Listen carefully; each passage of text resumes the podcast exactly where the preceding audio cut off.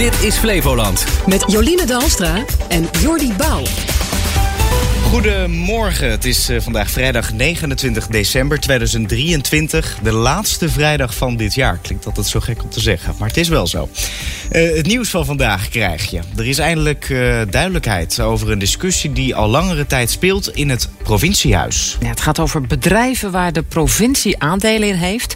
De statenleden moeten daar informatie over krijgen. Nou, hoe het precies zit, dat hoor je over een paar minuten van onze verslaggever Richard Schuurman. De provincie moet informatie delen met provinciale staten over ondernemingen waarvan zij geheel of gedeeltelijk aandeelhouder is. Desnoods onder geheimhouding. Dat concludeert advocatenkantoor Pels Rijken in een advies aan de provincie.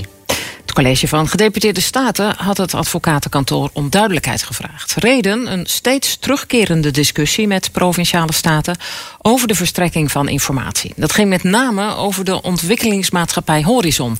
We praten erover met verslaggever Richard Schuurman. Ja, Richard, waar gaat het hier nu precies om? Nou, simpel gezegd gaat het erover hoeveel inspraak en invloed hebben provinciale staten als onze volksvertegenwoordigers nu op eh, het beleid bij ondernemingen waarvan de provincie gedeeltelijk of geheel aandeelhouder is. In 2015 is afgesproken dat het dagelijks bestuur van de provincie, dat is het eh, college van gedeputeerde staten, dat die optreedt als aandeelhouder. Provinciale staten mogen meepraten over de hoofdlijnen van het beleid, maar hun invloed en hun rol, ja, die is beperkt. Ja, die is beperkt dus, maar is dat een probleem? Nou, dat is volgens sommige fracties inderdaad een probleem. Want al langere tijd hameren de PVV, Ja21, de VVD en vooral 50PLUS erop dat er meer inspraak, betere verantwoording eh, moet komen. En dat er ook meer informatie moet worden gedeeld van die partijen en bedrijfjes waar de provincie dan aandelen in heeft. En dat speelde bijvoorbeeld eh, in april rondom de ontwikkelingsmaatschappij Horizon. De provincie is daarvoor 80% aandeelhouder van. En Horizon beheert totaal zo'n 36 miljoen euro aan fondsen. En daaruit worden weer vernieuwende initiatieven gefinancierd. Nou, in een debat in april wilden de Staten duidelijk meer inspraak. Maar de gedeputeerde verwees naar de bestaande werkwijze zoals dat in 2015 was afgesproken. Luister even naar een, paar fragmenten van toen. Met als eerste Mark van Rooij van 50PLUS. Dan Chris Jansen als statenlid van de PVV. En toenmalig CDA-gedeputeerde Jan-Nico Appelman. Plotseling zien wij op de website van Horizon een meerjarenplan.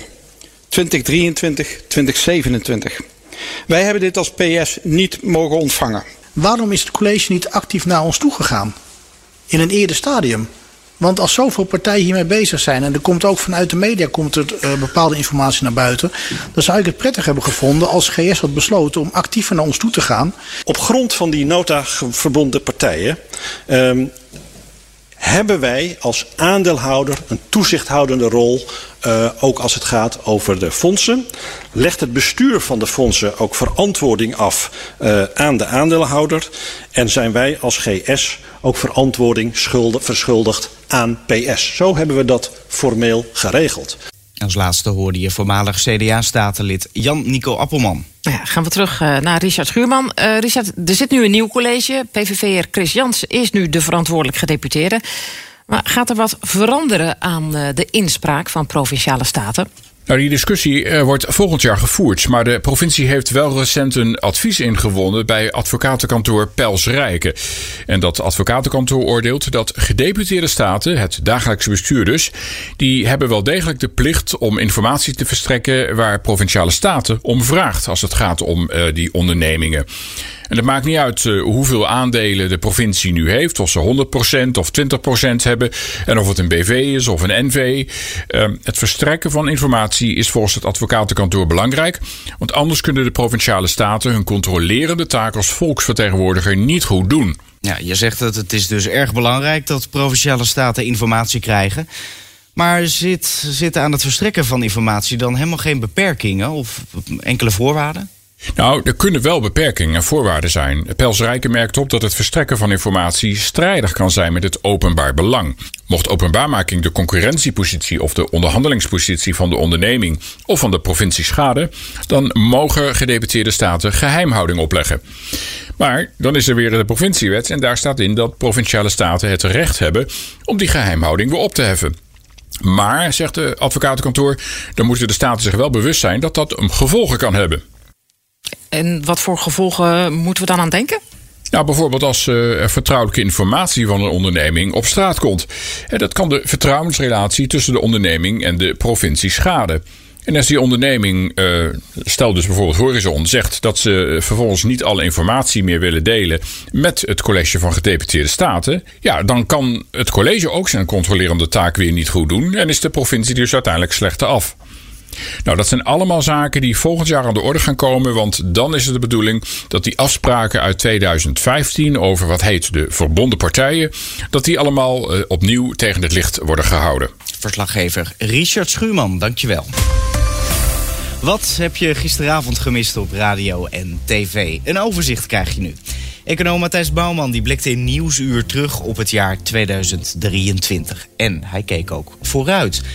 Wat brengt namelijk de economie in 2024. Als je kijkt naar de rente op de kapitaalmarkt, dus op de financiële markten waar mensen zitten die de hele dag aan het voorspellen zijn wat de Europese Centrale Bank eh, volgend jaar gaat doen, dan zie je dat de afgelopen maanden, weken de rente flink aan het dalen is. Dit is dan de rente waarvoor de overheid kan lenen. Nou, die is toch serieus aan het dalen, terwijl de ECB, de Europese Centrale Bank, nog niks heeft gedaan, maar met het idee van nou, dat komt eerder dan ze eerder van plan waren, die eerste rentedalingen. Ja, rentes over de hele linie gaan eigenlijk afgelopen weken wat omlaag.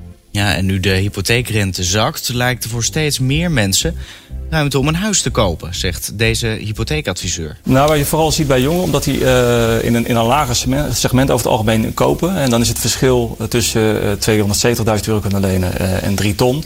Maakt voor een jongenskoper of voor een starter maakt wel degelijk veel uit. 30.000 euro op een bedrag van 5,5 of 6 ton maakt niet zoveel verschil. Dus het effect voor een, voor een jonge koper is, is echt wel groot. Op Radio 1 was Ahmed Abu Taleb in het jaar van. Het dieptepunt van 2023 was voor de Rotterdamse burgemeester de schietpartij eind september, waarbij Fouad El drie mensen doodschoot. Abu Taleb zat op dat moment de gemeenteraad voor. Maar dan komen flarden van informatie eh, binnen. En de gemeenteraad weet dat als ik mijn telefoon grijp uh, tijdens de gemeenteraadsvergadering, dat er ook iets serieus aan de hand is. En het is meestal politieaangelegenheid. Want uh, vaak wil de politie dan van mij dan, ze weten dat ik vergader, maar toch bellen ze of sturen ze een bericht dat ik een besluit neem. Um, maar het evolueerde steeds en steeds en het werd steeds heviger. En daarna kwam natuurlijk de social media en ik zag dat alle raadsleden op een apparaat aan het kijken waren. En toen heb ik even geschorst en tegen de gemeenteraad gezegd... ik moet je wel even vertellen dat er iets ernstigs aan de hand ja. uh, is. Als Abu Talib ter plaatse komt, is al duidelijk dat de 38-jarige Marloes is overleden. Haar 14-jarige dochter is met ernstige verwondingen naar het ziekenhuis gebracht. En de Rotterdamse burgemeester weet dan al dat het meisje aan haar verwondingen is overleden. Maar hij durft dat niet bekend te maken. En dan loop je het risico dat mensen dat gaan twitteren, maar het ziekenhuis heeft het nog niet officieel bekendgemaakt. Dus dat is een altijd lastig ding.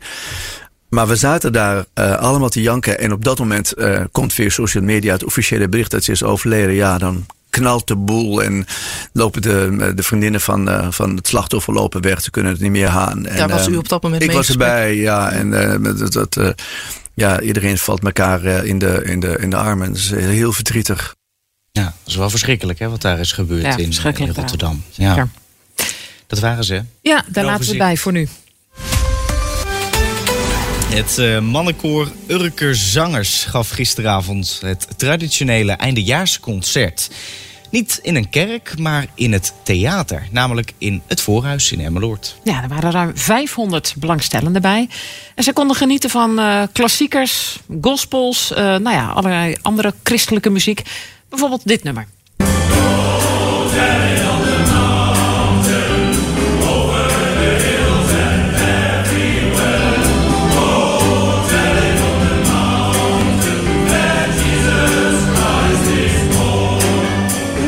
het uh, heel bijzonder dat ze zo mooi zingen. Wij zijn uh, erg voor de geestelijke muziek, hè. En uh, dat kunnen ze goed vertolken. Ze hebben een heel breed repertoire. Zowel wel christelijk, maar ook soul. Dat noem je dat? Negro spirituals. Ja, dat, dat, daar blinken ze eigenlijk echt in uit.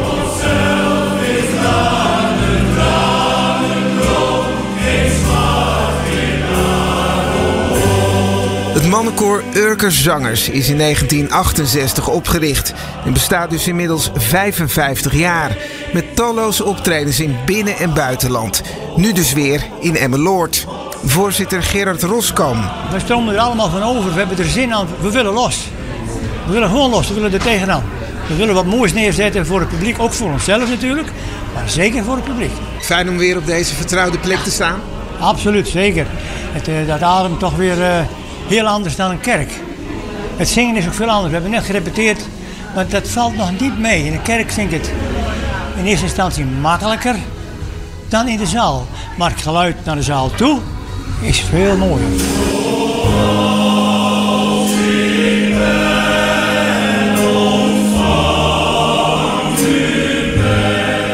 Ze brengen een boodschap.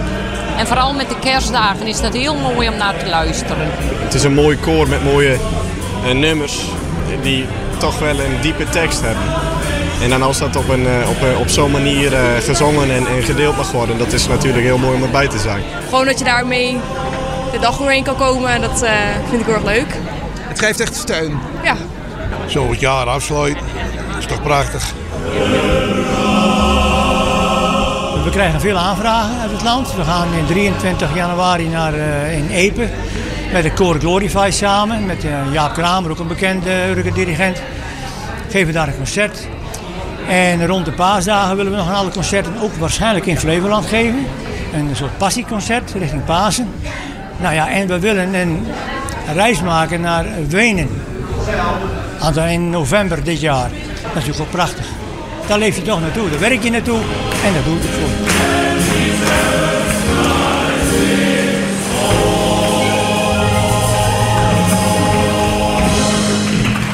En applaus voor het uh, Urker Mannenkoor. Je hoorde een verslag van Roger Dankerlui.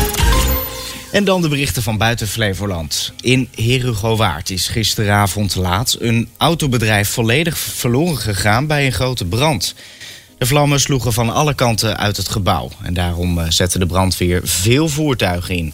Vertelt de veiligheidsregio Noord-Holland-Noord. Dit alles heeft te maken met het gegeven dat er uh, ook vliegvuur richting de N242 uh, ging. Die is uiteindelijk ook afgezet, zodat het verkeer geen hinder zou ondervinden daarvan. De brandweer laat het bedrijfspand gecontroleerd uitbranden en probeert te voorkomen dat het vuur overslaat op de naastgelegen gebouwen.